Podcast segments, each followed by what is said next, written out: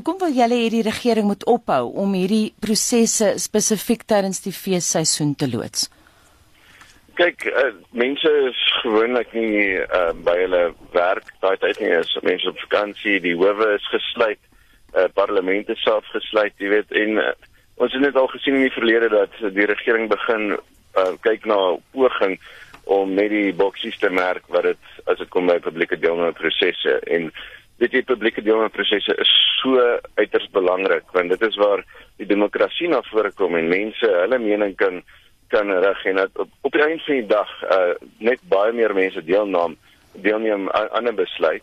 En uh, jy weet op die einde van die dag altyd daar's ons kinders daar buite wat kan daar toevoeg tot dit en om beter besluite te maak as jy mens ook kyk wat die regering in die verlede deur die Desember tydperk um, in plek probeer stel het of probeer deurdruk het, is dit goed wat byvoorbeeld bygedra het tot die uh, kernkrag-energie besluitneming. Ons praat van munisipale salarisse wat verhoog word. Dit al hierdie tipe goed. So die vraag is ook altyd hoekom hoekom wil hulle dit in die Desember tydperk deurdruk? wanneer hulle weet uh, daar is baie min deelname in daai prosesse. Mm. Kom ons kyk 'n bietjie ook na die kabinetskommeling in Desember 2015 toe die minister van finansies afgedank is. Sou julle ook byvoorbeeld 'n verbod op daardie soort aankondigings wou sien?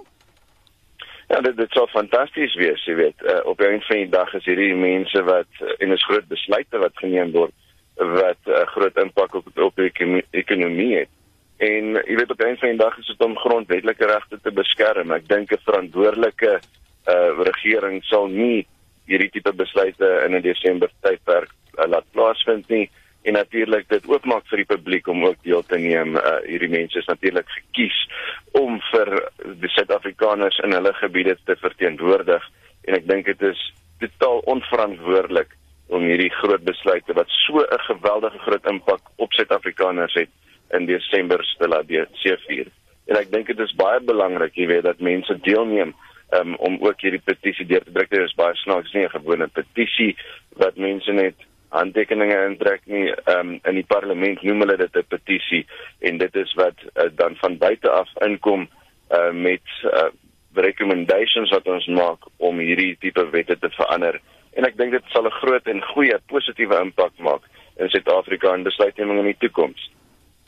Nou ja, sien net vir ons luisteraars wat dalk eh, wil deelneem aan die petisie, hoe kontak hulle julle, hoe gaan hulle te werk? Mense wat dalk insette wil lewer.